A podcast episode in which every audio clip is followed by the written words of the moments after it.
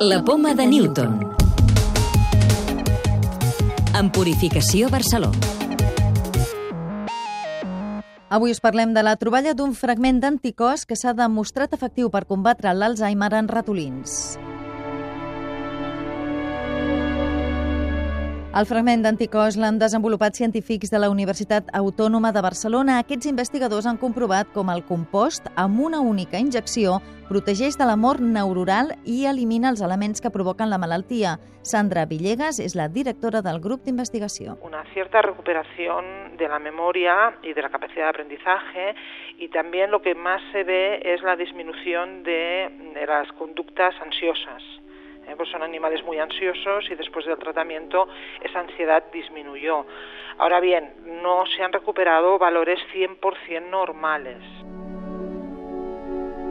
Elimina la molécula que causa la toxicidad y la muerte neuronal, y esto lo vemos a nivel molecular, pero es que además a nivel celular vemos que tenemos más células cuando hemos hecho el tratamiento, y ese número de células se corresponde a las células que tiene el animal control. Eh, l'animal que no tiene enfermedad.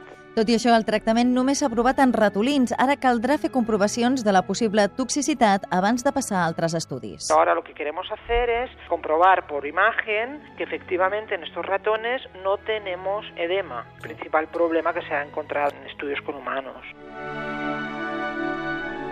Nosotros primero queremos hacer más estudios en ratón, hacer análisis de hepatotoxicidad, por ejemplo, que no, no, los hemos mirado, no hemos detectado problemas, pero tampoco lo hemos mirado todo. Queremos ver también que no haya problemas cardíacos, es una serie de, de factores a tener en cuenta antes de pasar a un animal un poquito más mayor, como podría ser, por ejemplo, perros.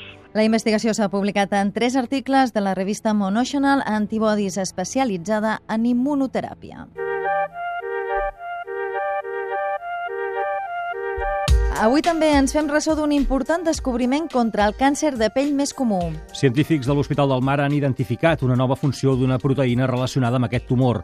El descobriment permetrà dissenyar noves dianes terapèutiques contra el càncer de pell. Un estudi del CSIC conclou que tractaments llargs amb antibiòtics afavoreixen l'obesitat i la diabetis. L'estudi també troba que hi ha una estreta relació entre els bacteris del budell i l'índex de massa corporal, els nivells de glucèmia en dejú i la resistència a la insulina. Segons aquest estudi, l'alteració de la flora intestinal incidiria en el desenvolupament d'aquestes patologies. La Terra deixarà de ser habitable d'aquí a 1.750 milions d'anys. Aquests són almenys els càlculs que han fet un grup d'investigadors britànics basant-se en la distància entre la Terra i el Sol, l'escalfament del nostre planeta i el temps que podria conservar aigua líquida. La clau de volta.